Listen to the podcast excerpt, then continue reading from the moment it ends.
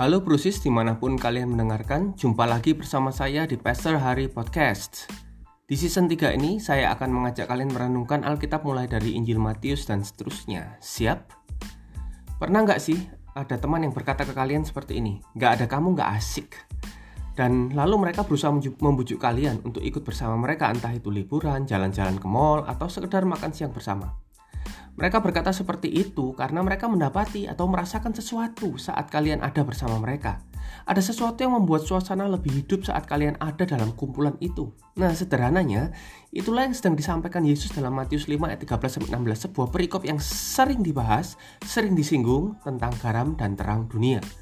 Satu hal sebelum kita memulai pembahasan singkat hari ini, perhatikanlah kalimat pertama dari perikop ini. Kamu adalah garam dunia. Oke, kamu adalah garam dunia. Seringkali kita dibombardir ya, diterjang terus dari atas mimbar perkataan ini. Jadilah garam dan terang dunia. Seakan-akan kita bukan garam dan terang. Dan bagi saya secara pribadi ya, bombardir semacam itu adalah penghakiman terselubung bahwa saya tidak seperti yang diharapkan, bahwa saya bukan garam dan terang, bahwa saya hanya bahwa bahwa hanya yang ngomong yang di atas mimbar itulah yang garam dan terang. Padahal esensinya Yesus pada ayat itu sedang menyadarkan keberadaan kita bahwa kita adalah garam dan terang. Ingat, adalah. Nah, kalian tahu konteks perikop ini sebenarnya Yesus sedang mengajar Mengajar itu sama halnya dengan transfer pengetahuan. Mengajar juga sama halnya dengan memberi sebuah kesadaran pada pendengarnya akan sesuatu yang perlu diperkuat dalam mereka. Dan luar biasanya, saya membayangkan ini adalah sebuah penyampaian yang hangat ya, bukan penghakiman yang e, berapi-api. Tidak ada emosi tinggi atau motif apa pun selain penguatan dan transfer pengetahuan itu tadi. Nah, apa yang Yesus ajarkan? Ada dua poin ya, perhatikan baik-baik. Poin pertama, esensi. Ingat, esensi. Esensi adalah keberadaan yang hakiki, yang tidak pernah dan tidak akan berubah. Esensi apa yang Yesus sampaikan? Ya ini, bahwa setiap orang yang mendengar saat itu, setiap orang yang menerima pengajarannya, setiap orang yang menganggap dia guru, setiap orang yang mengakui bahwa dia adalah Mesias, setiap orang yang dalam konteks hari ini yang menyebut dirinya Kristen, ya karena secara iman mengakui Yesus sebagai Tuhan dan Juru Selamat. Nah, setiap orang ini mengandung sebuah tujuan. Itu esensinya. Setiap orang mengandung sebuah tujuan. Setiap orang disadarkan bahwa mereka adalah garam dan terang. Itu dulu yang hendak disampaikan dan dikuatkan oleh Yesus pada para pendengarnya. Itu dulu yang hari ini setiap kita harus memahaminya bahwa kita adalah garam dan terang. Itu esensi kita. Garam dan terang itu ada untuk sebuah tujuan. Garam itu untuk mengasinkan dan terang itu untuk memberi terang tentunya. Oke, itu esensinya. Itulah keberadaan kita. Poin kedua yang mau disampaikan adalah hidupilah tujuan ya. Tadi esensinya bahwa kita ini garam dan terang kita mengandung sebuah tujuan. Poin kedua hidupilah tujuan. Saat kita tahu bahwa kita adalah garam dengan kata lain kita ada di mana pun itu kita hidup sesuai keberadaan kita. Garam asin. Ini adalah sebuah analogi yang luar biasa. Asin bicara tentang rasa. Jika kita sebagai orang Kristen sadar akan keberadaan kita harusnya memberi dampak maka makna keberadaan kita akan selalu dapat dirasakan oleh orang-orang di sekitar kita. Rasa. Setiap kita ada dalam sebuah kumpulan, setiap kali kita ada dalam sebuah kumpulan, mereka akan mendapati manfaat dari kita. Maka itu akan muncul kalimat begini, nggak ada kamu nggak asik. Dengan kata lain, sebaliknya kalau ada kamu jadi asik rasanya. Ada sesuatu yang berbeda dalam kita. Dalam hal positif tentunya ya toh, sama seperti garam pada porsi yang pas akan memberi manfaat yang luar biasa memberi rasa yang luar biasa. Kehadiran kita seharusnya dapat terasa uh, sebagai berkat, ya toh pasti. Garam bicara ini ada rasa, ada rasa dalam kehadirannya, ada rasa dalam kehadiran kita. Bahkan mungkin saat kita masuk dalam sebuah pertemanan atau hubungan yang baru di mana orang belum tahu siapa kita sebenarnya, belum tahu bahwa kita yang Kristen, anak Tuhan, orang akan sudah dapat feel-nya bahwa ada yang beda dengan orang ini, ada yang beda dengan kita. Nah, bagaimana orang dapat merasakan ini? Ya dari perkataan kita, dari emosi positif yang kita pancarkan, dari gaya bicara kita. Itu, itu hakikinya, itu esensinya.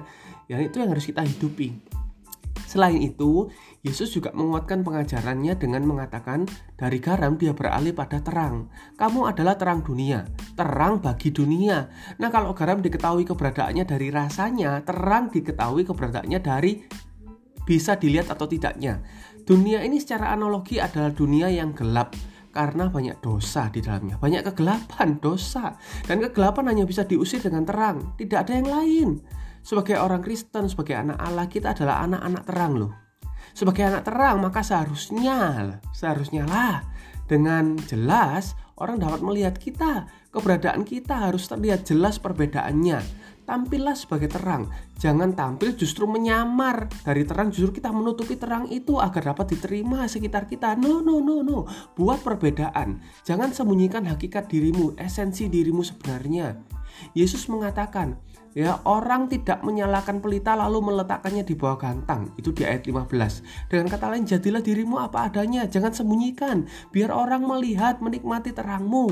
Jangan justru dalammu ada banyak untuk bisa memberkati orang lain, tapi kamu malah berusaha menutupinya dan berusaha menjadi sama seperti orang lain yang seharusnya kita berkati. Justru kita pengen sama seperti mereka. Ya, harusnya kita sama seperti siapa? Harusnya kita memancarkan eh, kesamaan kita dengan terang itu ya. Kita jangan sama dengan dunia. Jangan menyamakan diri dengan dunia berusaha sama dengan dunia. Itu justru sebaliknya. Paulus mengatakan berubahlah oleh pembaruan budimu. Ubahlah cara berpikirmu. Jangan minta diterima dunia tapi justru buatlah dunia mengenal siapa dirimu dari terangmu. Jangan menjadi sama dengan dunia ya. Terang itu ada agar sekitarnya menjadi terang, mengusir gelap. Itulah keberadaan kita. Kita harus ada untuk menjadi berkat, mengusir kegelapan, menerangi sekitar kita. Biarkan orang melihat bahwa kita adalah anak-anak Allah. Hiduplah benar, sekolahlah yang benar, kerjalah yang benar. Jadilah anak yang taat di rumah di keluargamu. Jadilah suami yang luar biasa, jadilah istri yang luar biasa, tahu bagaimana menempatkan diri. Jadilah murid yang baik kalau kamu sekolah. Jelas sampai di sini ya toh. Pokoknya jadilah sesuai yang Tuhan inginkan untuk kamu jadi seperti apa panggilanmu itu. Jadi garam, jadi terang. Garam berhubungan dengan sesuatu yang dapat dirasakan, terang berhubungan dengan sesuatu yang dapat dilihat dengan jelas. Apa yang dapat dilihat dan dirasa dan dengan dilihat dengan jelas? Esensi kita sebagai anak-anak Allah. Ya tunjukkan pada dunia. Nah dari sini baru saya dapat berkata, Jadilah garam dan terang itu. Jadilah seperti yang seharusnya. Sederhananya hidupilah dirimu sebagai garam dan terang. Itulah panggilanmu sebagai anak Allah. Menjadi berkat yang dapat dirasa dan dilihat oleh dunia.